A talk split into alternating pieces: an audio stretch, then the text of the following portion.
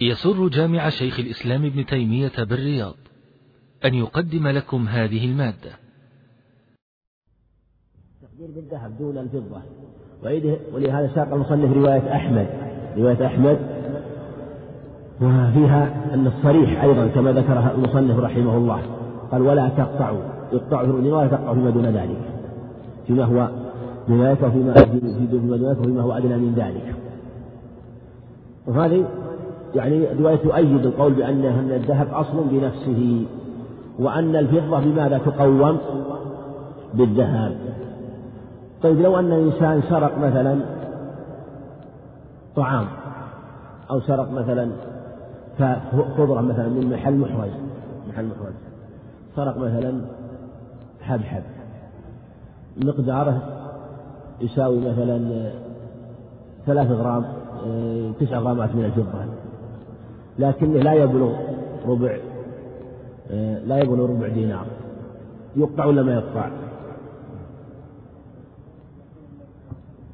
ما يقطع على القول بأن الذهب هو ماذا؟ هو الأصل هو الأصل كما هو الظاهر وإن قلنا إن هذا أصل وهذا أصل فإنه إيه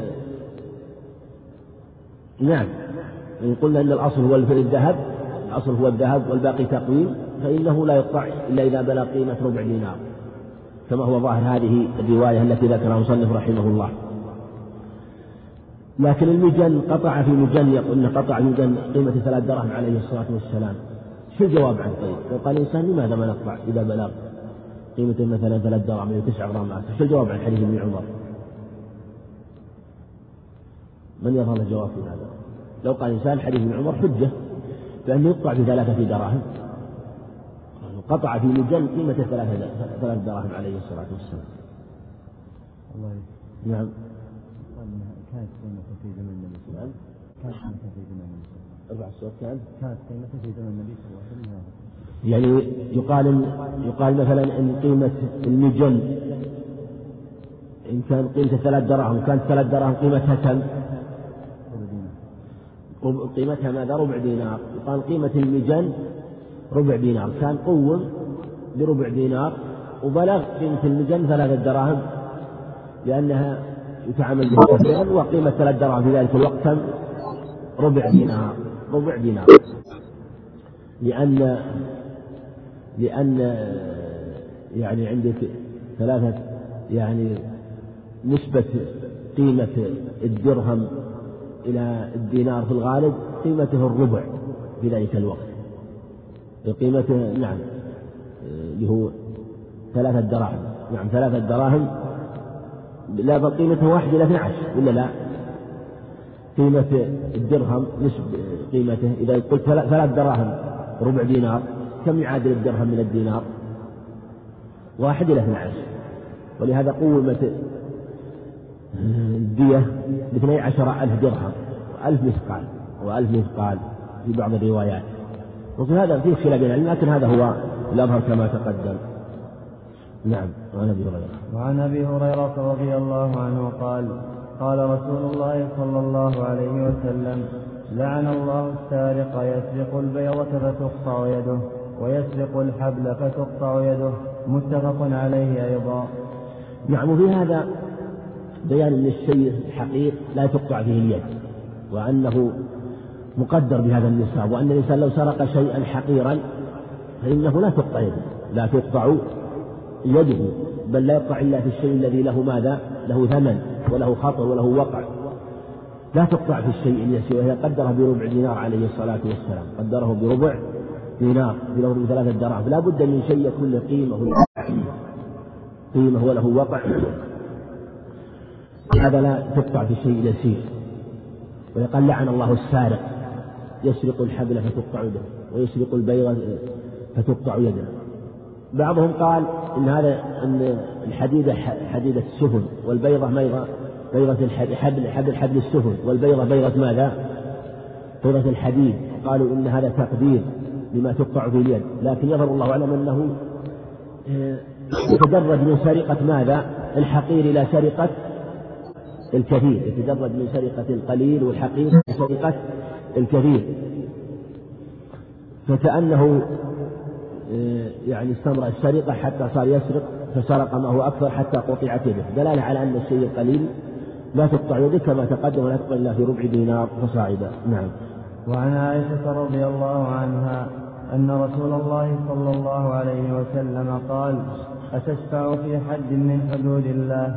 ثم قام فخطب فقال أيها الناس إنما هلك الذين من قبلكم أنهم كانوا إذا سرق, إذا سرق فيهم الشريف تركوه وإذا سرق فيهم الضعيف وقاموا عليه الحد الحديث متفق عليه واللفظ المسلم. وله من وجه آخر عائشة رضي الله عنها قالت كانت امرأة تستعير المتاع وتجحده فأمر النبي صلى الله عليه وسلم بقطع يدها. نعم هذا الحديث يدل على ما على تحريم الشفاعة في الحدود وقولها تشفع في حد من حدود الله. سبق معنا أن الحدود نوعان حدود مقدرة وحدود بمعنى العقوبات والمعاصي وهي غير مقدرة. قولها تشفع في حد من حدود هذا هو هل هو من الحدود المقدرة أو الحدود غير المقدرة؟ الحدود المقدرة. وذلك أنه شفاعة في ماذا؟ في حد السرقة والسرقة فيها حد مقدر. فقال أتشفع في حد من حدود الله. أما الحدود التي هي غير مقدرة والحدود التي بمعنى المحارم يقول لا يوجد فوق عشر في حد من حدود الله. يعني ما حرم الله من الحدود التي حرم سبحانه وتعالى تجاوزها وأن لا يجوز عليه تجاوزها. لكن لو كان في غير الحدود المقدرة لو كان في غير الحدود المقدرة غير الحدود المقدرة تجوز الشفاعة. تجوز الشفاعة. بمعنى أنه يشفع مثلا في أبواب التعازير وما أشبه ذلك. ولهذا قال عليه الصلاة في حدود السلطان فلعن الله الشافع والمشفع لا يجوز. وأنه ومن حالت من حالت شفاعة دون حد من حدود الله فقد ضاد الله في أمره. فلا يجوز الشفاعة بعد أن تصل إلى الحاكم والوالي. ولهذا قال الإنسان تشفع في حد من حدود الله. وفيه تحريم الشفاعة وفيه بيان أن يجب أن تقام على الشريف والوضيع ولا فرق بينهما هذا محل اتفاق من العلم قال ويل الله لو أن فاطمة من سرقت وقد أعادها الله من ذلك أن قطعت يدها وهي بنته عليه الصلاة والسلام وفي رواية أنها كانت تستعير المتاع وتجحده فيها دلالة على أن جاحد العارية وش حكمه؟ جاحد العارية يقطع ولا ما يقطع؟ نعم. ظاهر النص أنه يقطع. لكن شلون؟ كيف جحد العارية كيف؟ يعني هل معنى استعار على لسان غيره ولا استعار مثلا هو؟ نعم. هو المستعير. ولهذا قال في نفس الخبر كانت تستعير المتاع وتجحده تستعير مثلا الشيء تستعير القدر تستعير الإناث تستعير اللباس مثلا أو الفراش أو ما أشبه ذلك أو الثياب فتجحده تقول ما لكم شيء. ظاهر النص أن من جحد العارية أنه حكمه أن حكمه أنه حكم القطع هذا ذهب قال جميع العلم وذهب آخرون إلى أنه لا يقطع إلا السالم قالوا لأن هذا في الحقيقة أنت أعطيته إياه باختيارك أنت أعطيته إياه باختيارك. هذا موضع نظر موضع نظر يعني هل يقال مثلا أن جاحد العاري يقطع؟ اختاره ابن القيم رحمه الله وأيد رحمه الله بأدلة. لكن يمكن يقال أن من جحد العارية معنى أنه استعار. يعني استعار على لسان غيره مثل قال فلان يطلب من كذا فأعرني. استعار على لسان غيره هذا ممكن يقال إنه يقطع. أما بغير ذلك فسرت لأنها بالسرقة فسرت جحد العارية بالسرقة. كما جاء في بعض الألفاظ الأخرى لكن استعار على لسان غيره ثم قال فلان يستعير منك هكذا ثم سئل فلان قال ما استعرت شيء فإذا ثبت أن جحدها فإنه تقطع يده يعني هذا واضح. نعم. نعم عن جابر. وعن جابر رضي الله عنه عن النبي صلى الله عليه وسلم قال ليس على خائن ولا منتهب ولا مختلس قطع رواه أحمد والأربعة وصححه الترمذي وابن حبان. نعم حديث جابر لا بأس جم طريق ابن جريج عن أبي الزبير صرح بعض الطرق توبع كذلك ابن الزبير توبع وحديث جيد.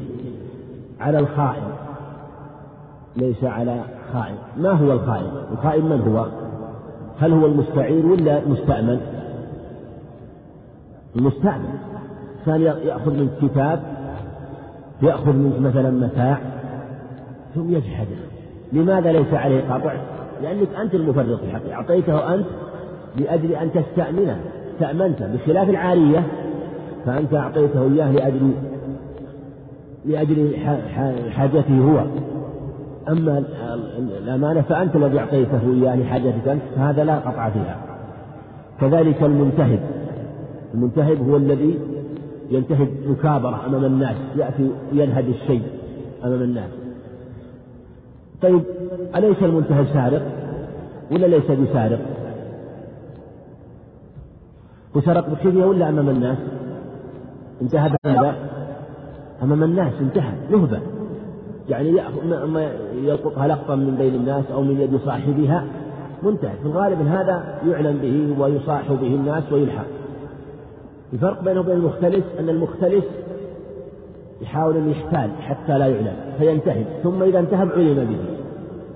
المختلس إذا اختلس علم به في حال يعلم به. بخلاف السارق ليس في خفية من حرزه أما هذا فلا. وفي الغالب أن يكون نتيجة تفريط ولهذا لم يكن عليه هؤلاء قطع لا الخائن ولا المنتهب ولا المختلس. وهذا في بعضها يعني ذكروا الاتفاق عليه وهو ظهر هذا النص عن جابر رضي الله عنه. نعم. وعن رافع بن خديج رضي الله عنه قال سمعت رسول الله صلى الله عليه وسلم يقول لا قطع في ثمر ولا كثر. رواه المذكورون وصححه أيضا الترمذي وابن حبان. نعم حديث رافع لا بأس به والمذكورون أحمد والأربعة لسبق الثمر مثل الرطب والتمر يعني لا قطع إنسان سرق لو إنسان سرق مثلا التمر من رؤوس النخل أو العنب من شجرة مثلا أو الفاكهة من شجرها لا قطع فيها لأنها في رؤوس النخل. لكن إذا أحرزت وأخذت ووضعت مثلا في المخازن والمستودعات أو في الجريم يقطع كما في حديث عبد وما أواه الجريم؟ يعني ففيه القطع. وإن كان هذا ليس تارة يسرق يأخذ من النخل فيأكل. فمن, فمن أخذ بفيه غير متخذ خبنة فلا شيء عليه. هذا لا شيء عليه. وإن أخذ منه للغير الأكل وضع في ثوبه وهرب به دون أكل فهذا عليه العقوبة ويغرم قيمة مثلين يغرم قيمة مثلين إذا هرب به مثلا لكنه من رؤوس النخل ما أكل. حالة ثالثا يأخذ هذا المخازن المستودعات أو المحل الذي يوضع فيه وهو وهو الموضع الخاص. وهو الحرز فهذا فيه القطع وهذا فيه القطع. كما في حديث عبد الله بن عمرو. هذا هو يعني التفصيل في الحديث عن النبي عليه الصلاه والسلام لكن بعض العلم قال إذا كان النخل مغلق بحائط ومغلق بالأبواب فإنه يقطع إذا كان قد أغلق. بخلاف ما إذا كان مثلا ثمرة ظاهر واضح مفتوح فإن هذا لا قطع فيه أما إذا كان في برية في مكان في الغالب لا يحرس فهذا لا شيء فيه. أما إذا كان مقفل بستان مسكر وفي حارس فإن هذا ولو أخذ من رؤوس النخل فإنه حكم حكم الحرز. حكمه حكم الحرز. مثل لو سرق من مسجد مثلا مقفل المسجد فإن ذهب إلى أنه يقطع لأنه ثبت حديث ابن عمر أن النبي عليه الصلاة والسلام قطع ذلك سرق من صفة النساء وذكروا أنها في المسجد. إذا سرق من المسجد من حصره وكان مغلق أو كان وكان في حارس أيضا هذا أيضا أبلغ إذا كان فيه حارس يقوم عليه. في هذه الحال يكون هذا حرزه. وبعض العلم قال إنما في المسجد ليس بحرز آه، لأنه للجميع يصلي به لكن إذا كان مغلقا وكان فيه حارس. انتبه الحارس فالأظهر فيه القطع لأن حرز كل شيء بحسبه. طيب لو إنسان مثلا جاء إلى بيت جاء إلى بيت الباب الباب اللي على الشارع وفكه بنفس باب الشارع وحطه على ظهره ومشى. إيش حكمه؟ إيش نقول؟ يقطع ولا ما يقطع؟ نعم؟ يقطع. نعم؟ حرز طيب. عجل بيسرقون بعض الناس يقولون ما إحنا سراق. بيجينا يعني جلدات يقول إيش نعمل؟ نحط جدار على الباب. إيش نعمل؟ أليس نقول حرز كل شيء بحسبه؟ ها؟ طيب لو صار إنسان الباب مفتوح باب الشارع مفتوح ودخل على الباب الداخلي وشاله. وجاب معه واحد وقال يلا شيل شيل هالباب وجاب واحد ثاني قال شيل الباب الثاني قام يشيل فيها الأبواب لكن الباب حق الشارع مفتوح إيش تقولون ها؟ طيب باب الشارع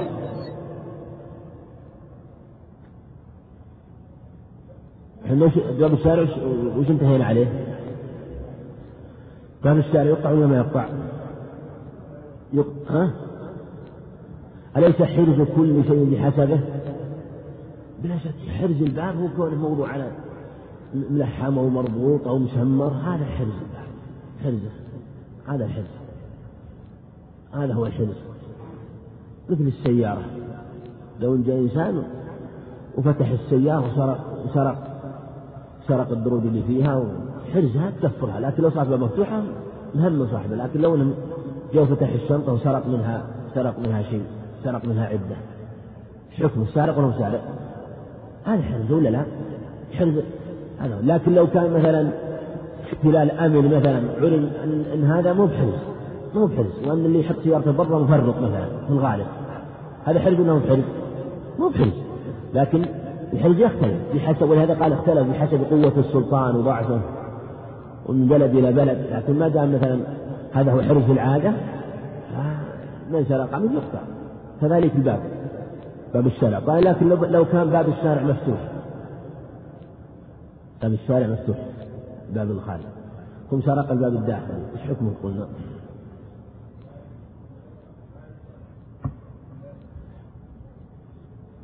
بيجي بيجي بيجينا يقول الحين يقول اللي سرق الباب اللي من برا تقطعونه والداخلي ما تقطعونه شلون؟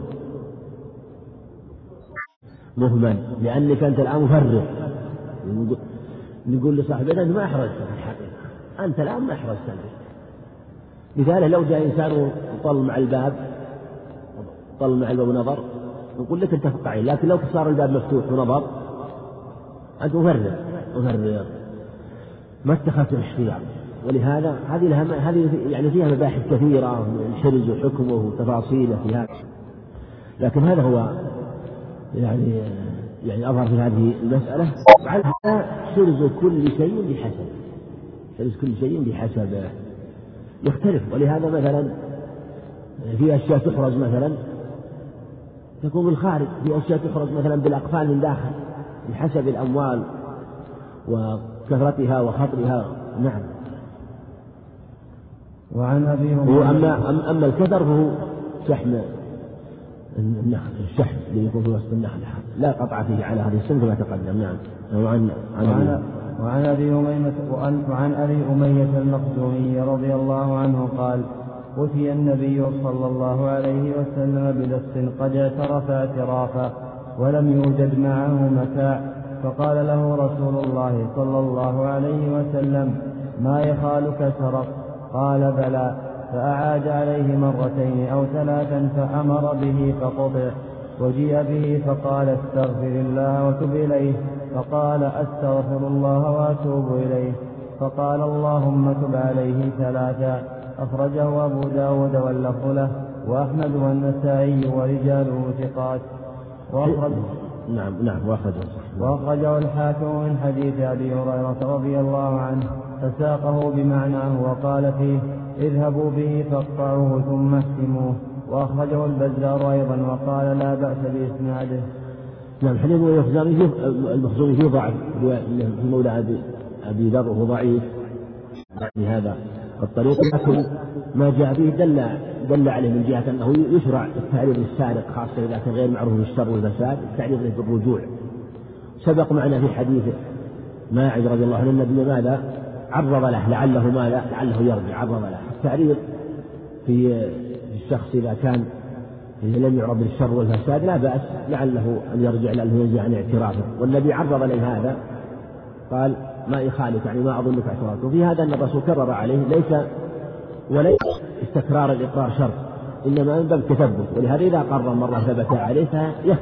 إذا قرر مرة ثبت عليه فإنه يكفي مثل ما سبق معنا على الصحيح في مسألة الزنا. وش قلنا؟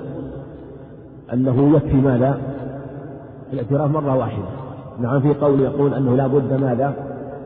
أن يكون أربعا لكن الأظهر أنه مرة واحدة وهذا أيضا كذلك في السرقة لكن إذا شك في الأمر وحصل عنده التوقف فإنه عليه أن يتثبت وحديث الرواية الثانية جاءت مرسلة جاءت مرسلة لأنها رواه الدراوردي متصل عن عليه وسلم متصلا لكن رواه الثوري مرسلا ورواية الثوري أرجح من رواية الدراوردي ولهذا ضعفها بعضهم استدلوا به استدلوا به على أن السارق إذا قطعت يده يجب يجب حسمه ولا يجوز تركه الدم ينزل لأنه لو نزف الدم قد يؤدي ماذا؟ قد يؤدي إلى هلاكه وتلفه والمصنف رحمه الله ذكر هذا الحديث قال احسموه إشارة إلى أن الخلاف لأنه كان يحسمون بماذا من أول؟ بالزيت يحسمون فم العروق حتى لا يسيل الدم حتى آه، تنسد منافذ العروق ولا ينزل الدم قالوا الزيت الآن الآن مؤونته ثمنه على على السارق ولا على بيت المال؟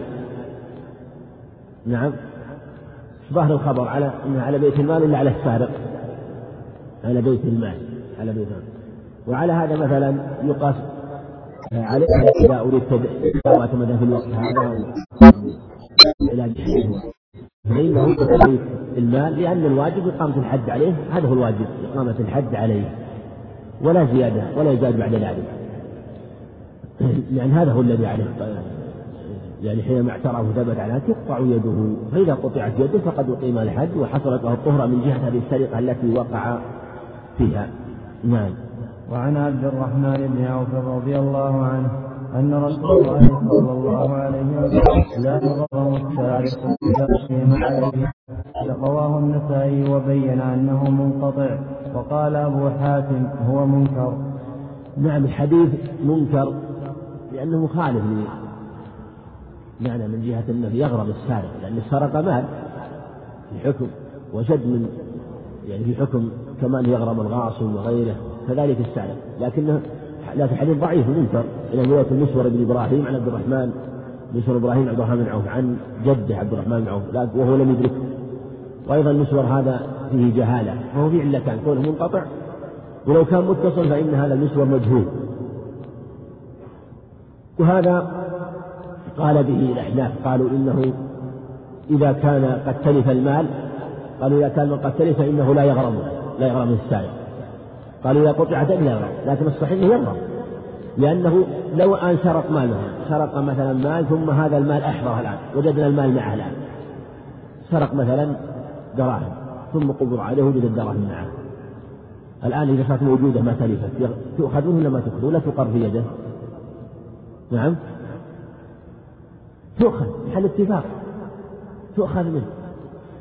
ثم قالوا إذا كان قد تلف إذا كانت تؤخذ منه إذا كان كذلك إذا كانت تحلف وعلى هذا يجتمع عليه القطع والغرم لأن القطع حق لله ثالث والغرم حق والمال حق للمسروق منه فإنه يغرمه. والخبر وعن عبد الله بن عاص رضي الله عنهما عن الله صلى الله عليه وسلم أنه سئل عن التمر المعلق.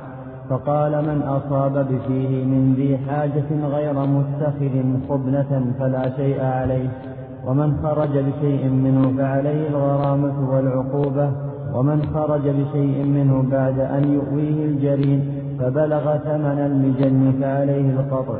أخرجه أبو داود والنسائي وصححه الحاكم. هذا سبق الخبر. إليه.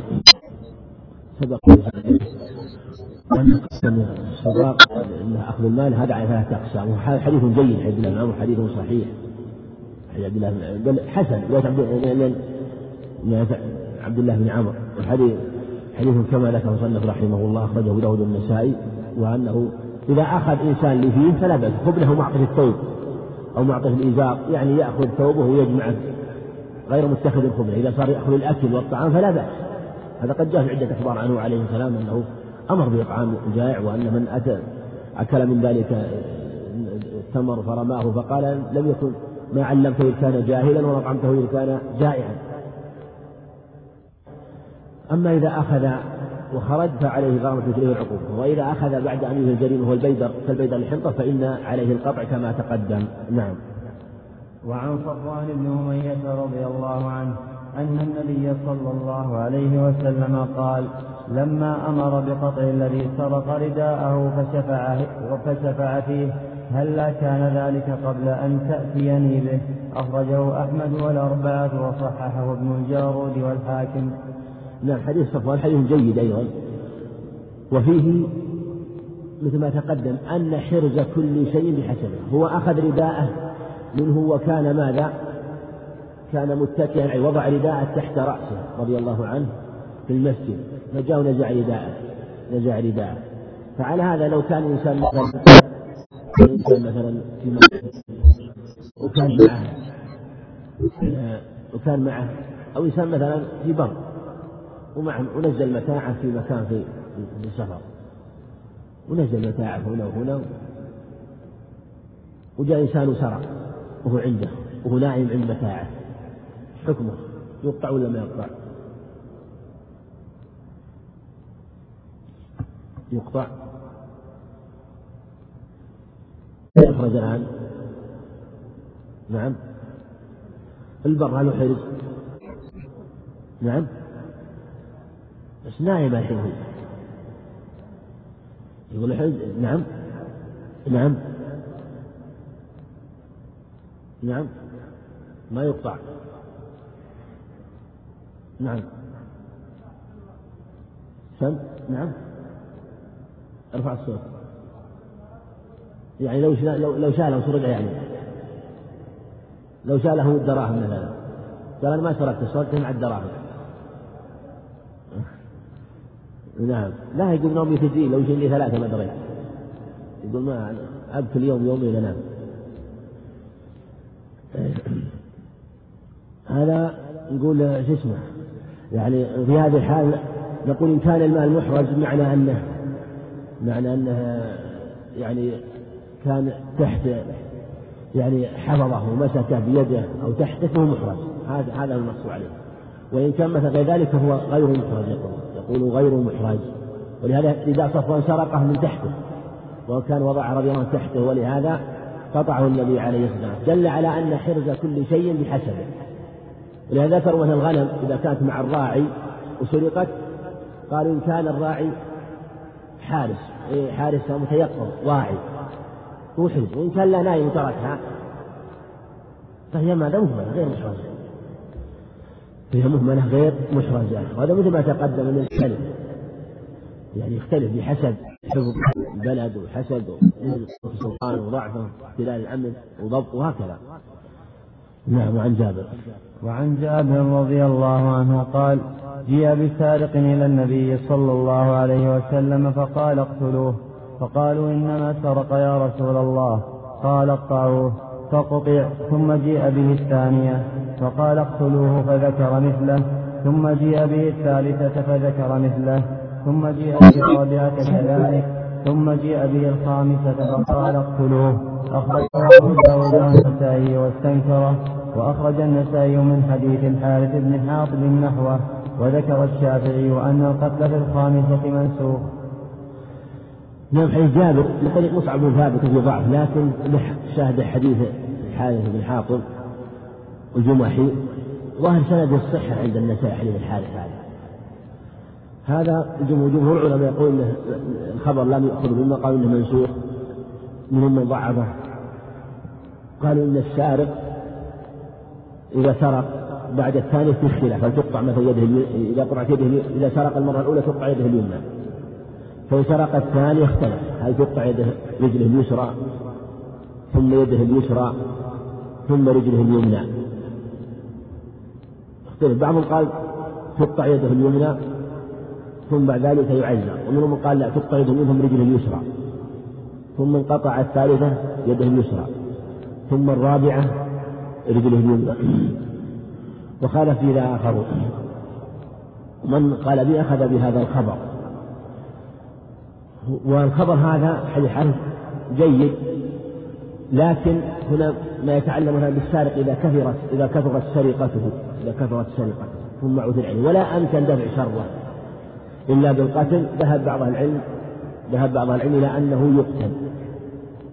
لله حديث الحارث بن حاطب هذا من قال هذا خاص به به عليه السلام في ذلك الرجل لأنه علم عليه السلام علم حاله من قال لا الخمر في عدة أخبار من حديث عبد الله بن عمرو وحديث هريرة فإنه يقتل في الخامسة حديث صحيح سير طرق وإن خالف من خالف من وجه صوم ليس منسوخ ضرر السارق كذلك منه أو أشد مثله أو أشد منه وهو قياس اختيار تقي الدين رحمه الله بل نص عليه رحمه الله في جميع الحدود قال رحمه الله أنه كل من لم يزجره الحد وتكرر منه ورأى حاكم الوالي أنه يقتل فإنه يقتل.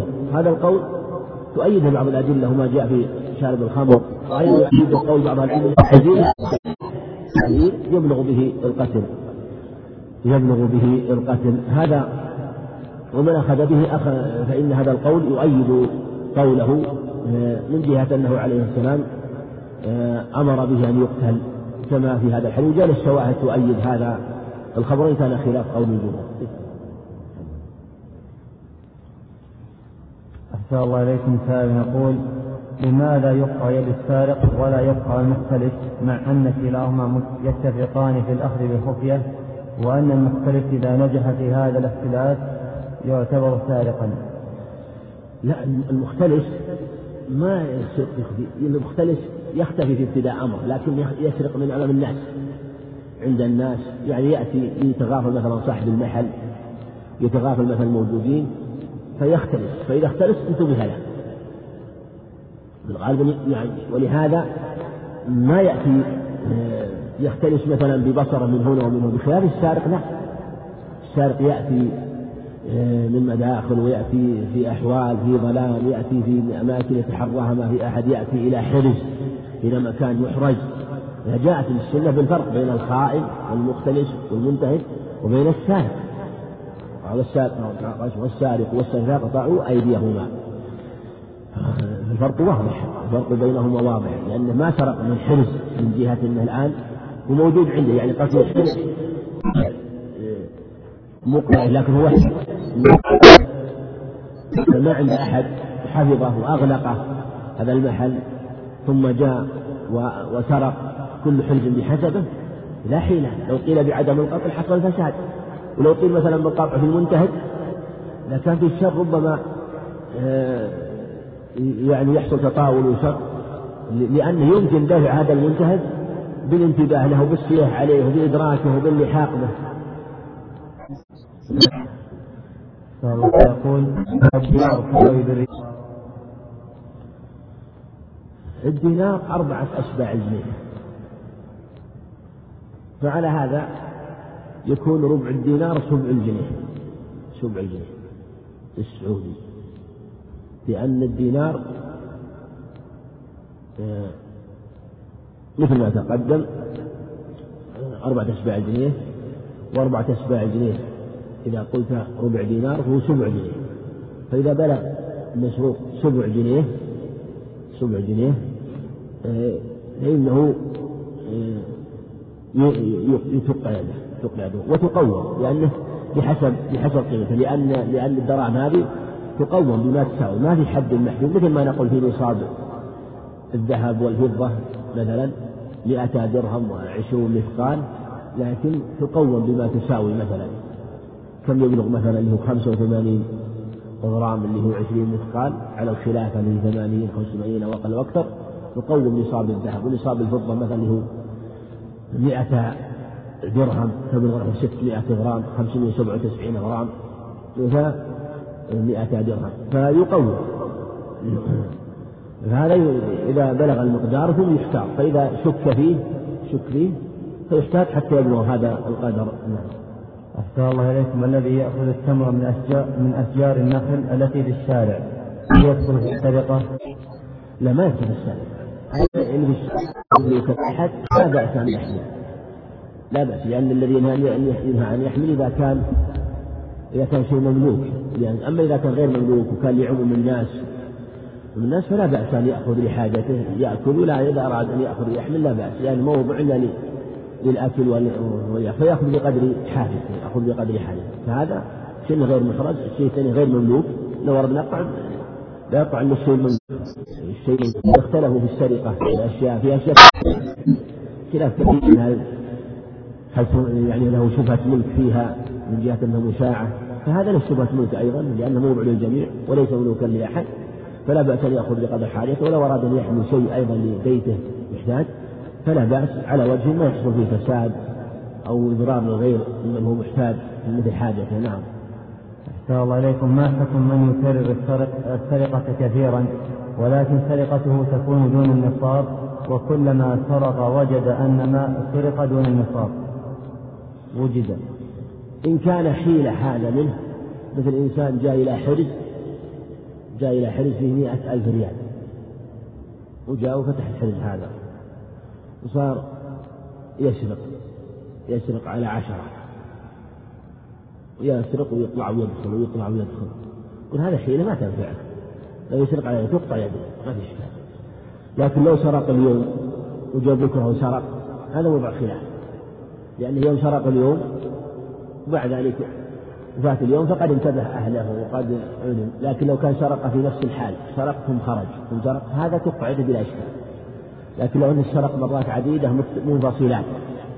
منفصل. كل سرقة منفصلة عنه. ويوم مستقل مثلا يمكن. فهذا لأنه يمكن استاق يمكن انتبه له هذا دون النصاب. بخلاف ما إذا كان حيلة فلا تنفعه فإنه يقطع. إذا بلغ إذا بلغ المسروق نصاب. نعم. الله إليكم سائل من بلغ المسروق نصاب من المجموع. سائل من الجزائر يقول ما معنى قوله تعالى لا إكراه في الدين؟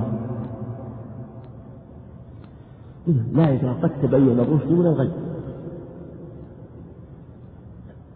يعني لا إكراه في الدين. الدين قد وضح وتبين وتبين الحق. هذه عند جمهور العلم لمن تؤخذ منهم الجزية. عند من تؤخذ منه الجزية فإنه لا يكره على الدين إذا كان ممن تؤمن من أهل الكتاب اليهود والنصارى. فإما يخير بين الإسلام أو القتال أو الجزية فإذا سلموا الجزية فهم. وعلى القول الثاني تكون عامة لجميع الكفرة. هذا اختار الإمام القيم رحمه الله وقال لا إكراه في الدين لعموم الكفرة. هذا القول قول جيد قوي. أن نقول لا بأس أن تؤخذ الجزية من جميع الكفرة. إذا أذعنوا تحت حكم الإسلام ودخلوا تحت الذمة لا إكراه في الدين.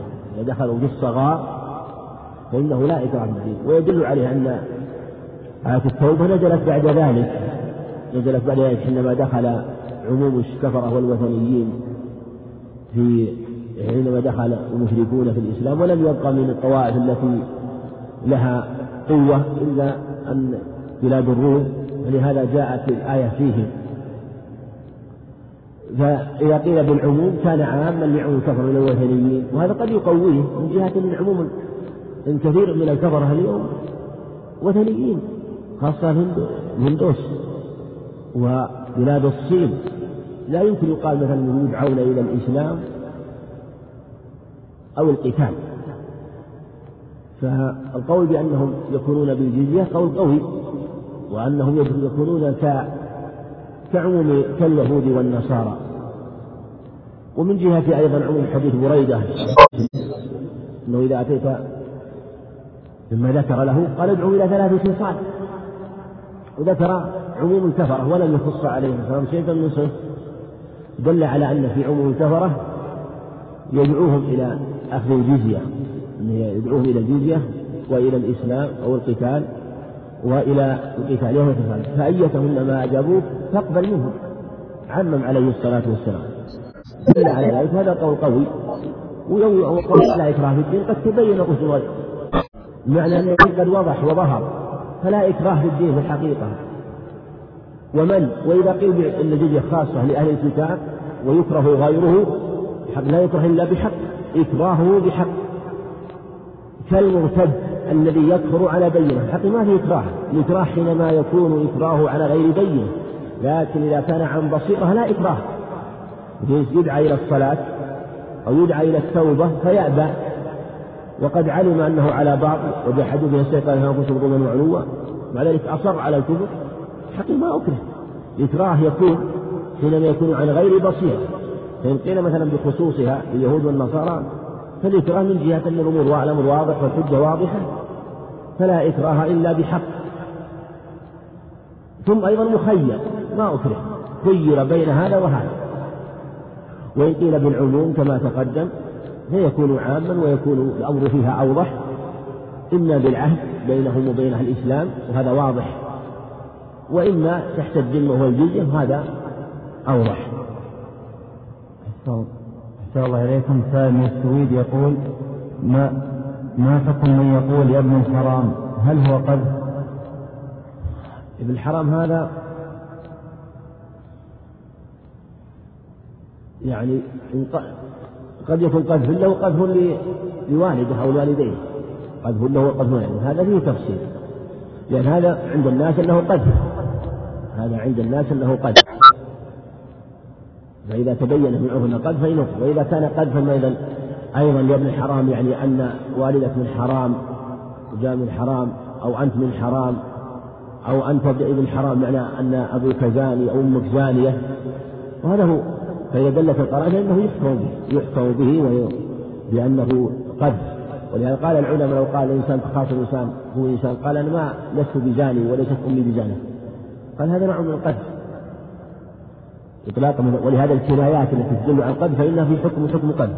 ثم العبارات تختلف من بلد إلى بلد فإذا كانت كناية واضحة تعمل وكذلك إذا كانت أمرا صريحا في مثل هذا فإنها في حكم القتل الذي يعمل به. والله أعلم وصلى الله وسلم وبارك على نبينا محمد. الله عليكم بسم الله الرحمن الرحيم. الحمد لله رب العالمين وصلى الله وسلم على نبينا محمد وعلى آله وصحبه أجمعين. اللهم اغفر لنا ولشيخنا وللمسلمين. قال المؤلف رحمه الله تعالى باب حج الشارب وبيان المسكر. عن أنس بن مالك رضي الله عنه عن النبي صلى الله عليه وسلم أن النبي صلى الله عليه وسلم أوتي برجل قد شرب الخمر. فجلده بجريدتين نحو أربعين. قال وفعله أبو بكر فلما كان عمر استشار الناس فقال عبد الرحمن بن عوف أخف الحدود ثمانون فأمر به عمر رضي الله عنه متفق عليه. ولمسلم عن علي رضي الله عنه في في قصة الوليد بن عقبة جلد النبي صلى الله عليه وسلم أربعين وأبو بكر أربعين وعمر ثمانين. وكل سنة وهذا أحب إلي. وفي الحديث أن رجلا شهد عليه أنه رآه يتقيأ الخمر فقال عثمان رضي الله عنه إنه لم يتقيأها حتى شربها. الحمد لله رب العالمين والصلاة والسلام على نبينا محمد وعلى آله وأصحابه وأتباعه بإحسان يوم الدين. هذا الباب في بيان المسكر أو الشارب وحد الشارب وبيان المسكر. الشارب مراد الشارب الخمر والمسكر جميع أنواع المسكرات. وكما سيأتي أن المسكر على الصحيح يشمل جميع كل مسكر يغطي العقل كما قال عمر والخمر ما خامر العقل. ذكر رحمه الله حديث أنس في الجلد وعن النبي صلى الله عليه وسلم جلد أربعين. وهذا الخبر الذي ساقه هو لفظ مسلم. أصله هو في الصحيحين لكن هذا لفظ مسلم. وفي أن النبي صلى الله عليه وسلم جلد أربعين وأبو بكر جلد أربعين. وكذلك أيضا في اللفظ الآخر أن عمر جلد ثمانين وقال وهذا وكل سنة وهذا أحب إلي. يظهر والله أعلم السنة يعني في نفس جالد الخمر أن أن جلده أربعين جلت عليه السنة وكذلك من فعل النبي عليه الصلاة والسلام أبي بكر وكذلك ثمانين من فعل عمر رضي الله عنه وهو إمام يقتدى به رضي الله عنه. وكل سنة وهذا أحب إليه. ومن هذا أخذ العلماء أن جلد الخمر أن الجلد في الخمر ليس فيه عدد محدود وأنه من باب التعزير. اختلف العلماء هذا اختلاف كثير طويل. في هذه المسألة والأظهر هو ما جاء في هذه الأخبار أن الخمر ليس في حد محدود ولهذا جاء في أثر عمر رضي الله عنه أيضا حينما قال قال في آخر إنه رآه يتقيأها وقال إنه لم يتقيأها حتى شربها. لما قال وهذا كل سنة هذا أحب إليه. فدل على أن جلده واجب لكن صفة العدد أو قدر العدد. يثبت شيء معين. حد لا يجوز تجاوزه. تجاوزه. ولهذا كما سيأتي في حديث معاوية أنه ربما وصل إلى القتل لأنه من باب التعزير. من باب التعزير. وعلى هذا نقول إنه يجلد يجلد ويكون النظر في الجلد إلى الوالي والحاكم فيما يجلده. فيما يجلده به ويجب أن لا يقتصر على أربعين بل ثبت عن النبي عليه الصلاة والسلام. حارث بن هريرة بأطراف الثياب والنعال ويضربون الشارب ثم بعد ذلك يقوم وينهى النبي صلى الله عليه وسلم عن سب عليه الصلاة والسلام.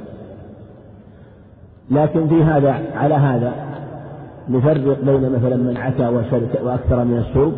وبين من لم يقع منه إلا المرة والمرتين مثلا فإنه يخفف عليه في مسألة الجلد. وعلى هذا يكون من باب التعزير الذي ينظر فيه بحسب المصلحة المتعلقة بالشارب وما يردعه عن شرب الخمر. وهذا هو المتحصل الأخبار. والصحابة رضي الله عنهم لما اختلفوا في شارب الخمر وفي جلده دل على أنه ليس فيه عدد محدود وإلا لم يختلفوا. وفي قصة عثمان رضي الله عمر رضي الله عنه قال لما لما استشار الناس رضي الله عنه الصحابة رضي الله عنهم قال عثمان رضي الله عنه أخف الحدود كم؟ ثمانون. أخف الحدود ثمانون. أخف الحدود ثمانون. الثمانون جلد حد من؟ نعم. القاذف حد القاذف فالقاذف إلى الثمانين وهو أخف الحدود. ويروى عن علي رضي الله عنه قال إذا إذا شرب سكر وإذا سكر هذا وإذا هذا افترى وحد مفتري ثمانون. لكن هذا في ثبوت نظر رواه مالك ومن دار قطب جماعة في ثبوت نظر. وأنكر جماعة ابن حزم وقالوا إن المفتري إن ولا يكون حربا لأنه هذه ولهذا قالوا ثبت الصحيح أنه قول عثمان قول عبد الرحمن بن عوف أنه قال خف الحدود ثمانون فجعله ثمانين. هذا من باب سياسة رضي الله عنه في جلد شارب الخمر. في قول عثمان رضي الله عنه لم يتقيأها حتى شربها. وش يؤخذ منه؟ هل يشترط في شارب الخمر أن يعترف ولا ما يشترط؟ لا يشترط. نعم. يعمل بالقرينة لو قال هذا مو بخبر. لو قال هذا مو بخبر. إيش تقول له؟ إيش نقول لو قال هذا مو بخبر. نعم. نعم. نعم. يقول اترك تعرفه. يقول شلون عرفت إنك خمر نعم. يمكن يحتج عليك بعد. يقول يمكن يحتج عليك مثلا في مثل هذا. كيف عرفت أنك خمر؟ كيف عرفت؟ شنو؟ نعم؟ نعم؟ صاحبه؟ يقول يقول ألا ألست تقولون تدرى الحدود بالشبهات وتجيبون إبرة أو تختبروني بهذا؟ هل هذا من إلا من أعظم الشبهات؟ أنا أمامكم الآن. وأنتم ما عرفت كيف تجعلون هذا مقياس؟ نعم. ماذا؟ هم هم هم هو الآن نفرض أنه أنكر مثلا أنه الآن ساكت أنه ساكت. يقول يقول الساكت الآن. نقول في هذه الحال إن كان مثلا من الخمر المعروف مثلا الخمر المعروف رائحة مشتعلة وإن لم يكن يعرف يؤتى بمن يعرفه ممن قد شرب وتاب منه ويسأل عنه ويسأل عنه مثلا فإذا ثبت أنه خمر لكن لو أنكر قال أنا ما أدري أنه خمر ما أدري أنه خمر ما علمت أنه خمر مثلا إيش نقول؟ يدرى عن حد ولا ما يدرى؟ إيش يعني يقول أنا يعني شريف من هذا. يعني حد ضرورة لكن الشريب من هذا ولم يعلم انه خمر أو شربه يعني حدث شوف ولم يعلم انه خمر وأنكر. نقول القول قوله ما؟ القول قوله. القول قوله. كذلك لو وجد لو انسان وجد من رائحة الخمر. وجد من رائحة الخمر. نقيم الحد ولا ما نقيم الحد عليه؟ نعم. إيه. يقول رائحة الخمر. وجد من رائحة الخمر الآن. نعم. هل مثل ما قلنا في مسألة من تقيأها. في مسألة من تقيأها. أننا إذا ثبت مثلا إذا ثبت أن هذه رائحة الخمر فإننا نقيمه إلا أن ينكره أن ينكر مثلا أو يدعي دعوى تصدق. ولهذا قال عبد الله مسعود رضي الله عنه في ذلك الرجل حينما قرأ السورة وقال لا ليس هكذا أنزلت سورة يوسف. ثم قال أحسنت. ثم رأى وإذا هو قد وجد برائحة الخمر فأقام عليه حد رضي الله عنه. نعم. وعن معاوية. وعن معاوية رضي الله عنه عن النبي صلى الله عليه وسلم أنه قال في شارب الخمر إذا شرب فاجلدوه ثم إذا شرب فاجلدوه ثم إذا شرب الثالثة فاجلدوه ثم إذا شرب الرابعة فاضربوا عنقه. أخرجه أحمد وأصحابه والأربعة وذكر الترمذي ما يدل, ما يدل على أنه منسوخ. وأخرج ذاك أبو داود صريحا عن الزهري. من حديث معاوية رضي الله عنه في قتل شارب الخمر في الرابعة بعضها في الثالثة. حديث معاوية هذا حديث جيد وللشواهد حديث عبد الله بن عمرو من عبد الله بن عمر من حديث أبي هريرة وحديث كثيرة في هذا الباب. ولهذا الصواب ان الحديث صحيح؟ بالنظر إلى طرقه واختلف ذهب اختلف العلماء ذهب الجمهور إلى القتل منسوخ. قالوا واستدلوا بأحاديث هذا الباب حديث قتل جريج رفع القتل بعد ذلك وحديث حديث وحديث جابر. الصواب أنه لا نسخ وأن احاديث جاءت في النسخ ضعيفة أو لا دلالة فيها. وهذا هو الصواب. وعلى هذا يتأيد ما تقدم أن الخمر هو من أنه من باب ماذا؟ باب التعزير لا من باب الحد. ولهذا قال فاجلدوه. ولم يذكر حدا معينا في الجلد ولم يأتي في السنة. دل على أنه اجلدوه يعني الجلد الذي يرضعه. ف ثم يجلد ثم يجلد ثم بعد ذلك إن أصر فإنه يقتل فإنه يقتل مر على مر معنا أحاديث في في حد آخر ما هو أيضا؟ في ذكر القتل. نعم. في السرقة. في السرقة. وعن النبي عليه السلام قال في الخامسة أنه يقتل. وهذا يبين أيضا أن أن حد القتل جار في حدود التعزير وفي الحدود المقدرة. وهذا يبين أنه إذا لم يندفع الضرر إلا بالقتل فإنه يقتل. وهذا بحسب ما يراه الإمام والحاكم في مسألة شارب الخمر.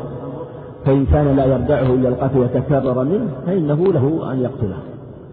وعلى هذا يكون التعجير يكون التعجير بابه واسع. من الكلمة التي فيها شيء من التوبيخ إلى القتل كما في هذه الأخبار.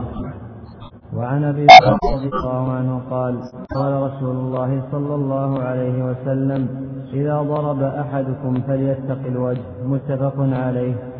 نعم حديث ابو هريرة إذا ضرب هل عند مسلم في لفظ البخاري إذا قاتل أحدكم فليتق الوجه وش مناسبة الذكر هنا؟ هل يظهر مناسبة لذكر في الحدود هنا؟ إذا ضرب أحدكم فليتق الوجه نعم. في الجلد يعني أو نعم سواء كان حديث أنه إذا ضرب لا يضرب مع ماذا؟ لا يضرب مع الوجه. لا يضرب مع الوجه لأن الوجه مجمع المحاسن فقد يؤذي فلهذا نهى عن الضرب في الوجه. والمقاتل حصل بين إنسان المقاتلة والمضاربة وإن وإن كان مثلا أراد أن يقتص فإنه إذا إذا قاتل فإنه يجتنب الوجه. قال إذا قاتل فإنه إذا ضرب. يشمل الحدود والتعزير والتأديب الذي يؤدي الإنسان به ولده وأهله. كل هذا يجب في اجتناب الوجه كما في هذا الخبر. نعم. وعن ابن عباس رضي الله عنهما قال قال رسول الله صلى الله عليه وسلم لا تقام الحدود لا تقام الحدود في المساجد. رواه الترمذي والحاكم. نعم حديث ابن عباس هذا من طريق إسماعيل المسلم المكي هو ضعيف لكن للشاهد من حديث حكيم بن حزام طريق زفر بن وثيمة.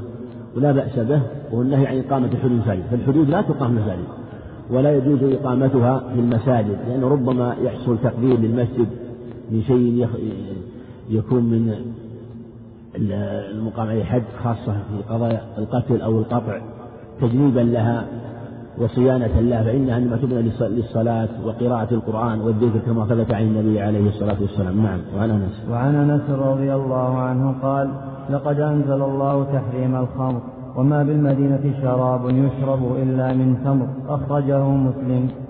وعن عمر رضي الله عنه قال تحريم الخمر وهي خمسة من العنب والتمر والعسل والشعير والخمر ما خامر العقل. متفق عليه. نعم. وعن ابن عمر رضي الله عنهما عن النبي صلى الله عليه وسلم قال كل مسكر خمر وكل مسكر حرام. أخرجه مسلم. نعم هذه الأحاديث كلها حديث صحيحة كما ذكر المصنف وفيه بيان المسكر وأن المسكر يكون من العنب ومن غير العنب. هذا إشارة إلى الرد إلى من خالف في المسكر العنب من التمر والشعير والحنطة وخالف فيها. والصواب أن كل مسكر خمر كما قال النبي عليه كل خمر حرام كل مسكر حرام وكل مسكر خمر وكل خمر حرام. فالمسكر من جميع الأشياء التي تسكر كما قال عمر رضي الله عنه ونزل تحريم الخمر وما بالمدينة إلا بالإنعام منها شيء. إنما غالب آه، الخمر عندهم من التمر وما أشبه ذلك. وعلى هذا لو أن إنسان مثلا شرب مسكرا شرب مثلا مسكرا من غير العنب. ولم يسكره مثلا ولم يسكره الحكم هل يقام حد ولا ما يقام حد؟ وهو ما سكر نعم. ولو ما سكر نعم. نعم. نعم ما أسكر كثير بقي الحرام. خالف في هذا بعض أهل الكوفة أن قالوا إن غير العنب لا يجلد منه إلا إذا شرب ما يسكر من غير العنب. والصواب أنه يجلد من الجميع ويقام الحد عليه لأنها لم يكن في المدينة من الخمر إلا من غير العنب من التمر والزبيب من التمر والحنطة والشعير كما ثبت في الحديث. ولعموم الأخبار أيضا كل مسكر خمر وكل خمر حرام. ولهذا كان الصواب وقول الجمهور. في هذا لعموم في هذا الباب. حقيقة شرعية بل حقيقة قولية في هذا الباب.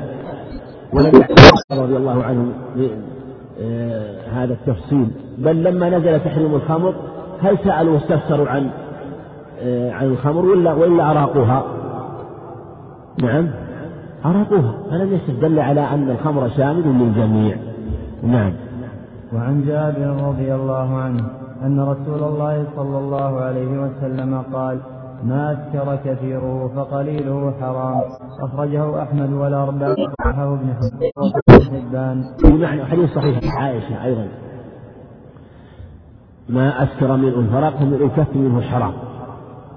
من الكف منه حرام. لكن لو لو أن إنسان أخذ خمرا فتمضمض بها. تمضمض بها.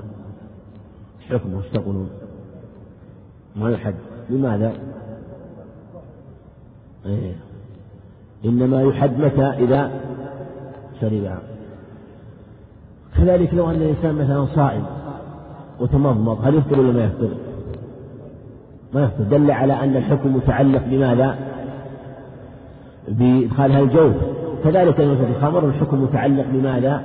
بإدخالها الجوف فلا يقام عليه فلا يأخذ حكم مسكر أو شارب مسكر إلا إذا وصلت إلى جوفه. لكن لو تمضمض بالمسكر حكمها لكن ما يعزر لو إنسان تمضمض بها عابثا فإنه يعزر لأنه يجب عليه اجتنابها فلا يجب ملابستها. إذا فعل فإنه يؤدب الأدب اللائق بأمثاله. نعم. وعن ابن عباس رضي الله عنهما قال كان رسول الله صلى الله عليه وسلم ينبذ له الزبيب في السقاء. فيشربه يومه والغد وبعد الغد. فإذا كان مساء الثالثة شربه وسق شربه وسقاه فإن فضل, فإن فضل شيء أهراقه. أخرجه مسلم. هذا المصنف رحمه الله إشارة إلى أنه ليس كل نبيذ أو يكون خمر لا هناك بعض الأنبذة لا بأس من شربها. بعض الأنبذة لا بأس من شربها. فنبيذ الزبيب مثلا والتمر الإنسان وضع له مثلا زبيب في, في ماء لأجل أن تظهر طعم طعم طعم التمر مثلا أو العنب الماء لا بأس بذلك. يكون عصيرا يشربه لا بأس. ولهذا كان النبي عليه ينبذل عليه الصلاة والسلام في في ماء إما تمر أو زبيب يشربه يوم ومن الغد. وبعد الغد المساء الثالثة. فإن فإما أن يشربه شربه شربه وسقى يعني شرب أو سقى يعني يسقي أحد خادم غيره. فإن فضل شيء أهراق خشية أن يتغير. ينبغي الاحتياط في مسألة هذا في مسألة ما ينبذ وهذا يدل على أنه النبيل إذا ما دام أنه لم يتغير فلا بأس من شربه من جميع أنواع وينبغي التحري في أن ينبذ إذا نبذ نوعين يعني تمر وزبيب وما ذلك فإنه يسرع إليه الإسكار. وجاءت الأخبار بالنهي عن ذلك لأنه إذا اجتمع فإنه يكون أبلغ في تغير الماء. نعم. وعن أم سلمة رضي الله عنها عن النبي صلى الله عليه وسلم قال إن الله لم يجعل شفاءكم فيما حرم عليكم. أخرجه البيهقي وصححه وصححه ابن حبان. وعن وائل الحضرمي أن طارق بن سويد رضي الله عنهما سأل النبي صلى الله عليه وسلم عن الخمر يصنعها للدواء فقال إنها ليست بدواء ولكنها داء. أخرجه مسلم وأبو داود وغيرهما. نعم. حديث سلمة إن الله يشفى فيما حرم عليكم. حديث مع طارق بن سويد. لا يجوز التداوي بالخمر وهذا هو الصحيح. وإنها داء وليست بدواء كما قال النبي عليه الصلاة والسلام. بل لم يجمع شفاء فيما, فيما حرم عليكم. وهذا من طريقة حسان المخارق وفيه بعض الضعف لكن ثبت له, له طرق. وثبت موقوفا من حديث ابن مسعود عند البخاري معلقا مجزوم به وجاءت الأخبار بغير النهي عن دواء الخبيث. فلا يجوز آه، وجعلها دواء للنهي عنها وأنها كما من الدواء الخبيث وأنها داء. لكن لو أراد إنسان أن يشربها إنسان اشتدت به ضرورة العطش وأراد أن يشرب الخمر. إيش نقول؟ هل يجوز ولا ما يجوز؟ هل نقول تحل الخمر الآن كما تحل الميتة ويجوز أن يشرب الخمر ثم يجوز أن يأكل الميتة في حال الوقت نعم. يجوز لماذا؟ لأنه مضطر. ولا يجوز لماذا؟ بعض الإخوان يقول لا يجوز بعضهم يقول لا يجوز. نعم. نعم.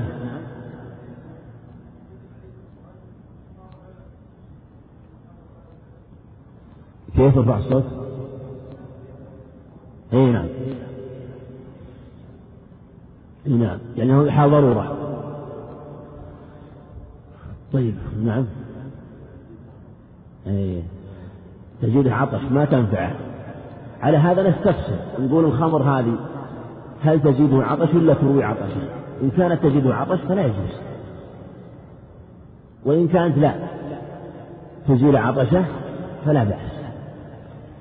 مثل لو كانت مثلا ممزوجة بماء كثير ويمكن تزيل عطشه وإلا فلا يجوز. طيب لو كان عنده إنسان ماء نجس وماء خمر ماء نجس وخمر أيهما يقدم؟ يقول الخمر تسكت نعم. يقول ما أدري يقول أنا ظنيان الحين. يقول يقول علموني. يقول ما أدري هو أشرف الماء النجس ولا الخمر؟ يقول ماني بسائلا عن عن يعني أثر الآن في حال ضرورة الآن. في حال ضرورة. ولا شك إن كان إن كان مثلا نجاسة ثبت أنها فيها ضرر الزوج زيد ضرر ما في إشكال. لكن بهم الأمر ما ندري. نعم. نعم. يقول اسأل يقول وش يخف الضرر الحين علمني يقول وش الحين خف الضرر يقول نعم. ظاهر الخمر نعم. الظاهر الخمر نعم. ومحتمل. يعني مثل ما اختلفتم في هذا فالخمر لا يجوز شربها لا يجوز شربها. لأن في الحقيقة ربما يقع في سكر ويقع في ضرر وما دامت النجاسة هذه نجاسة ليست نجاسة عينية مع نجس مثلا فالأمر فيه أخف. نجاسة ليست نجاسة عينية. إلا إذا فرض أنها لم تقبلها نفسه فرض أن تقبلها نفسه هذا قد يعفى عنه. لأنه لا بأس أن يشرب يدفع ضرره بالخمر إذا كان ثبت أنها تدفع الضرر إذا كان لم تقبلها نفسه. نعم. باب التعزير. باب التعزير وحكم الصائل. عن أبي, عن أبي بردة الأنصاري رضي الله عنه أنه سمع رسول الله صلى الله عليه وسلم يقول لا يجلد فوق عشرة أسواط إلا في حد من حدود الله. متفق عليه. نعم حديث بردة سبق الإشارة إليه وأنه التعزير والتعزير حكم الصائل وأن لا يوجد فوق عشر أصوات إلا في حد من حدود الله. وش سبق معنى ذكر الحدود حدود الله؟ شو المراد بالحد من حدود الله هنا؟ هل يراد بالحدود المقدرة أو حدود الله المعنى التي حدها وحرم تجاوزها؟ نعم. نعم. لا يوجد فوق إلا في حد من حدود الله. إذا إذا كانت المقدرة لو إنسان شاهد زور وغير جلدها هل نزيد على عشرة أسواق إذا قلنا أن الحد الحدود مقدرة ولا ما نزيد؟ إذا قلنا لكن الخبر سبق أن ذكرنا أن الأظهر فيها ماذا؟ أن المراد بالحدود بالحدود هنا الحدود التي هي بمعنى حدود المعاصي التي منع تجاوزها سواء تجاوز حدود الحلال أو حدود الحرام هذا هو الصواب فيه. وعلى هذا يجوز في التعازير أن تتجاوز عشرة أسواق وسبق أن حملناه على سبق حملها كما ذكرنا عن بعض أهل العلم أن حملها على أشياء خاصة. ما هي؟ تأديب. نعم تأديب الرجل. نعم. تأديب الرجل ولده وأهله وخادمه وما أشبه ذلك وهذا هو الصواب. نعم. وعن عائشة. وعن عائشة رضي الله عنها أن النبي صلى الله عليه وسلم قال أقيلوا ذوي الهيئات عثراتهم إلا الحدود. رواه أبو داود والنسائي. نعم. حديث عائشة من طريق عبد الملك بن زيد بن سعيد بن زيد بن عمرو بن نفيل. وفيه كلام لكنه قواه بعضهم في النساء وقال لا بأس به. وفي قيل ذوي الهيئات عثرات من الحدود.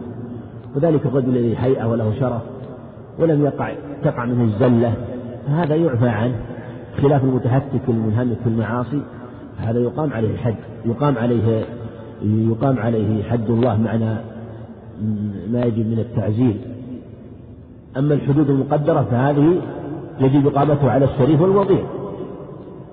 ولقال النبي عليه الصلاة ولو أن لو أن فاطمة محمد سرقت فقطعت يده قد برأها الله من ذلك رضي الله عنها. قال والمراد مثل ما تقدم آه، من لم تقع من الزلة والعفوة من سواء كان من أهل الصلاح أو من أهل الشرف والهيئة. ولهذا قال إلا الحدود فإنه يجب إقامتها وعدم التساهل فيها. نعم. وعن علي رضي الله عنه قال ما كنت لأقيم على أحد حدا فيموت فأجد في نفسي إلا شارب الخمر. فإنه لو مات ودي لو مات وديته أخرجه البخاري. كذلك أخرجه مسلم أيضا لكن هذا لفظ البخاري وأخرجه مسلم وفيه عنده انه مات وديته مثل ما تقدم وهذا وهذا أيضا شاهد لما تقدم أن أن حد الخمر أن الخمر حد مقدر ولا تعزير؟ تعزير قال لم يسنه ولهذا اختلف الصحابة فيه. قال فأجد في نفسي شيئا يعني فإنه لو مات وديته لكن لو أن جاء شارب خمر مثلا وجلد أربعين جلدة جلد معتاد جلد معتاد. فمات. هل تجب ديته على الحاكم الوالي؟ جلد أربعين جلدة. هل تجد ديته ولا ما تجد فمات لما جلد نعم. نعم.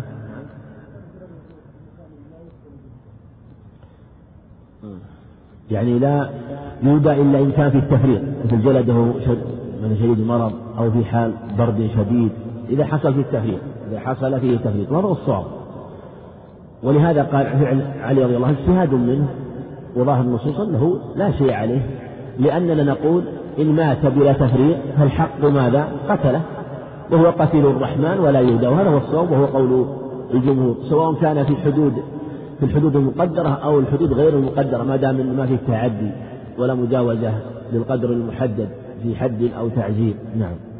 وعن سعيد بن زيد رضي الله عنه قال قال رسول الله صلى الله عليه وسلم من قتل دون ماله فهو شهيد. رواه الأربعة وصححه الترمذي. وهذا مثل ما ذكر صح حديث صحيح سبق الإشارة إلى هذا الخبر والمصنف رحمه الله ذكر في حد الصائل لماذا؟ إشارة إلى أن الصائل إلى أن الصائل من صال عليك يجب صال على الإنسان في أهله وماله فإنه يدافع ولا قال من قتل دون ماله فهو شهيد. قال يأتي رجل قاتل قال قاتله. قال قاتل قال فإن قتلته قال فهو النار قال فإن قتلي فأنت شهيد.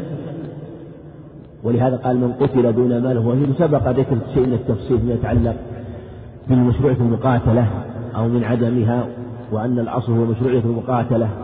وكما قال عليه الصلاة والسلام قال قاتل. حيث سعيد زيد هذا هو الذي رواه الأربعة. وسبق أن حاول رحمه الله آه، ذكر حديث عبد الله بن عامر وأن الصواب عزه إلى الصحيحين من قتل دون ماله فهو شهيد.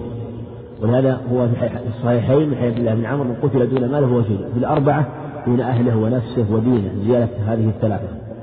نعم. عند عند الأربعة من حيث سعيد بن عند الأربعة دون ماله وأهله ونفسه ودينه فهو شهيد. نعم. وعن عبد الله بن خباب رضي الله عنه قال سمعت أبي وعن عبد الله بن خباب رضي الله عنه قال سمعت أبي رضي الله عنه يقول سمعت رسول الله صلى الله عليه وسلم يقول تكون فتن تكون فتن فكن فيها يا أبا فكن فيها يا عبد الله المقتول. ولا تكن القاتل. أخرجه ابن أبي خيثمة والدار قطني. نعم. وأخرجه؟ وأخرج أحمد نحوه عن خالد بن عر... بن عرفطة رضي الله عنه. نعم. تقف على كتاب الجهاد. حديث عبد الله بن خباب هذا عبد الله تابعي مشهور عبد تابعي مشهور.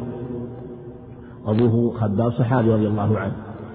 والحديث الشاهد حديث شاهد حديث خالد بن عرفطة من طريق علي بن زيد بن جدعان وله شواهد كثيرة في الباب شيخ سعد بن وقاص عند أحمد الترمذي شواهد.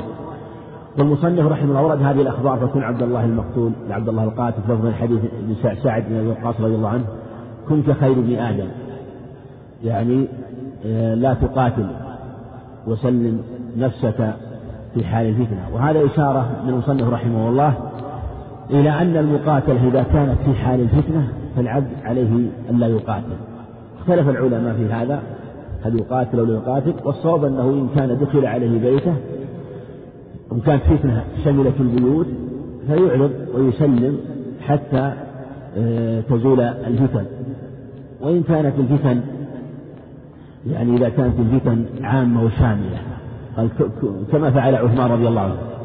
كن عبد الله المقتول لا عبد الله القاتل خاصة إذا لا يدري القاتل فيما قتل ولا المقتول فيما قتل. في حال الفتن والخلاف. أما في حال النهب والسلب وما أشبه ذلك ويريد المال وما أشبه ذلك الإنسان يدفع عن أهله وماله كما جاءت النصوص في هذا الباب في الدفع عن الأهل والمال كما تقدم. والله أعلم. سائل يقول أحسن الله إليكم ما حكم التجارة في الخمور وما حكم شراؤها إذا كانت خمورا مخففة؟ ما حكم؟ التجارة في الخمور وما حكم شرائها إذا كانت خمورا مخففة. خمور محرم محرم. أحد لا يشتري مسلم. التجارة فيها حرام. يجمع المسلمين. مخففة وغير مخففة. ما دام هي خمر فلا يجوز البيع فيها ولا الشراء بل لا يجوز حمل لعن الله الخمر. حاملها شاربها وعاصرها ومعتصرها وحاملها والمحمولة إليه وآكلة منيها وبائعها ومبتاعها وآكل ثمانية كلهم ملعونون على لسان النبي صلى الله عليه وسلم حديث ابن عمر حديث ابن عباس حديث أنس. هذا محل اتفاق العلم ولا يشتري مسلم في تحريمه. ما في إشكال مثل هذا. نعم. أحسن الله إليكم. ما حكم الوضوء بالخمر إذا ما علمنا أنها طاهرة بدليل رائحتها أو إراقتها في شوارع المدينة؟ وهل تصح بهذا وهل تصح الصلاة بهذا الوضوء؟ ولا؟ وهل تصح الصلاة بهذا الوضوء؟ الوضوء بالخمر. الخمر ما يصح. الوضوء لا يكون بالماء. إنما اختلف العلماء في مسألة النبيذ حديث ابن مسعود أنه قال شراب طهور وحديث لا يصح. استدل بها الكوفة أنه يجوز الوضوء به في حال السفر إذا عدم الماء.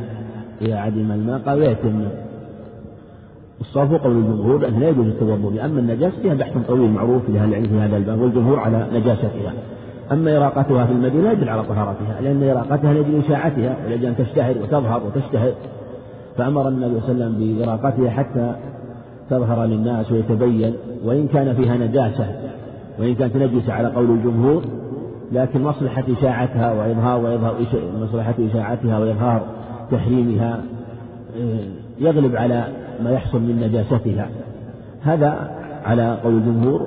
والمسألة فيها بحث معروف ذهب ربيعة وجماعة جماعة طهارتها لكن الجمهور أخذوا بهم الأدلة التي جاءت ما يدل على نجاستها.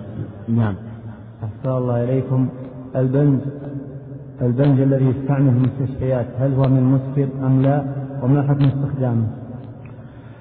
المنجل مرقب ليس مسكر ليس مسكرا من المرقدات لأن عندنا فيجوز استخدامه للحاجة يجوز استخدامه للحاجة لأنه من المرقدات المسكر يسبب يعني شيء من النشوة والطرب هذا هو المسكر. أما المرقدات هذه إن كان لحاجة فلا بأس وثبت آه، يعني احتياج إليها كالبنج ونحوه. أما مع عدم الحاجة فلا يجوز. إنسان شرب أو تناول بنج هذا لا يجوز لأن تغييب العقل حرام. تغييب العقل حرام ولو فعل فإنه يعزر يعزر إلا ما كان من المخدرات فإنها أقبح من المسكرات. فعندنا يعني عند عندنا أنواع ثلاثة مرقبات ومسكرات ومفسدات. مفسدات ك كالمخدرات وأنواع. والمرقبات هذه مع جثة هامدة. هذا مثل ما تقدم يجوز استخدامها للحاجة كالبنج ونحوه. نعم. أحسن الله إليكم. شراب الشعير وعصير التفاح.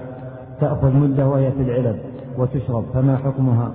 مصود المعول على الإسكار إذا قدح بالزبد وأسكر فلا فلا يجوز. وإن كان لأنه ما ما أسكر ولم يتغير فلا. وإن اشتل الأمر فيجتنبه. ولهذا النبي عليه والسلام كان يهريقه يهريقه عليه الصلاة والسلام باب الاحتياط.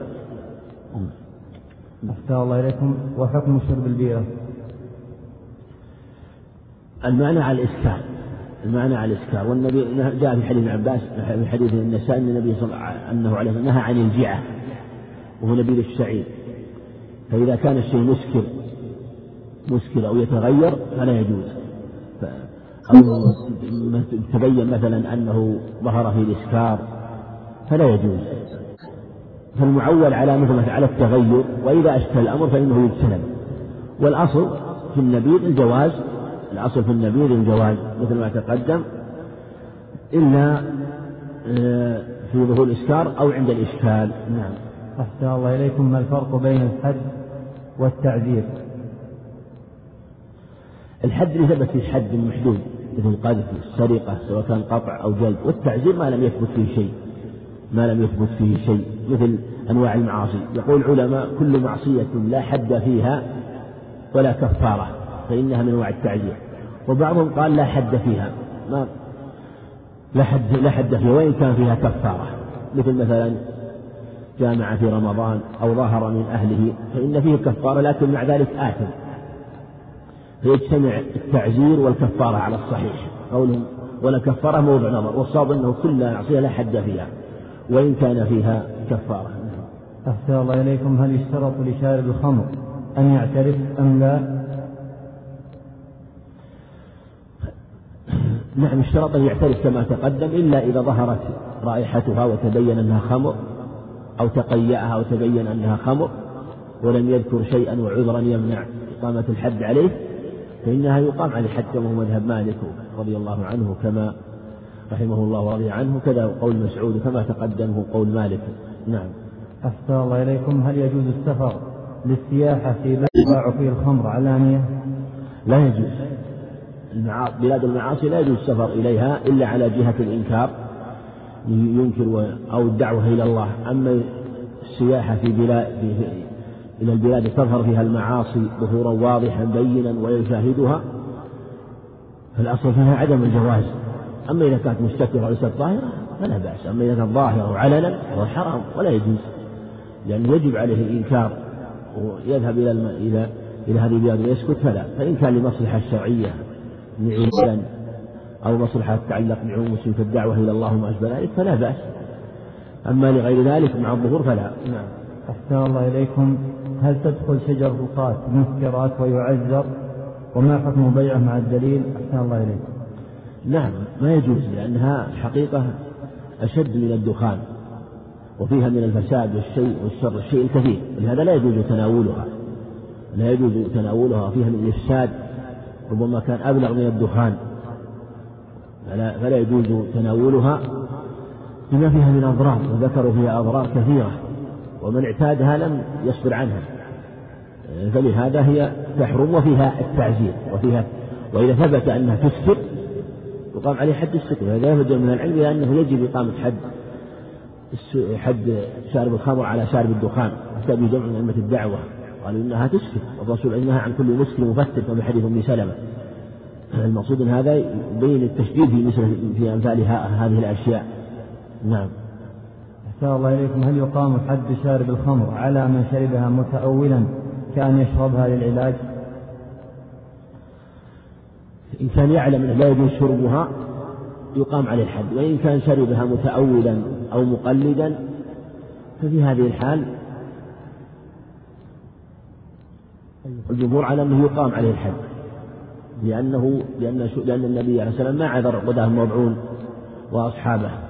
حينما شربها حينما آه، شربوها وأمر بإقامة الحد عليه. لكن إن شربها مقلدا إن شربها شرب مثلا من غير العلم مثلا مقلد محتمل محتمل. والأظهر والله أعلم أن أن التقليد في في المسائل الخلافية الخلاف فيها ضعيف. لا يجوز خاصة أن الخمر يدعو قليلها إلى كثيرها.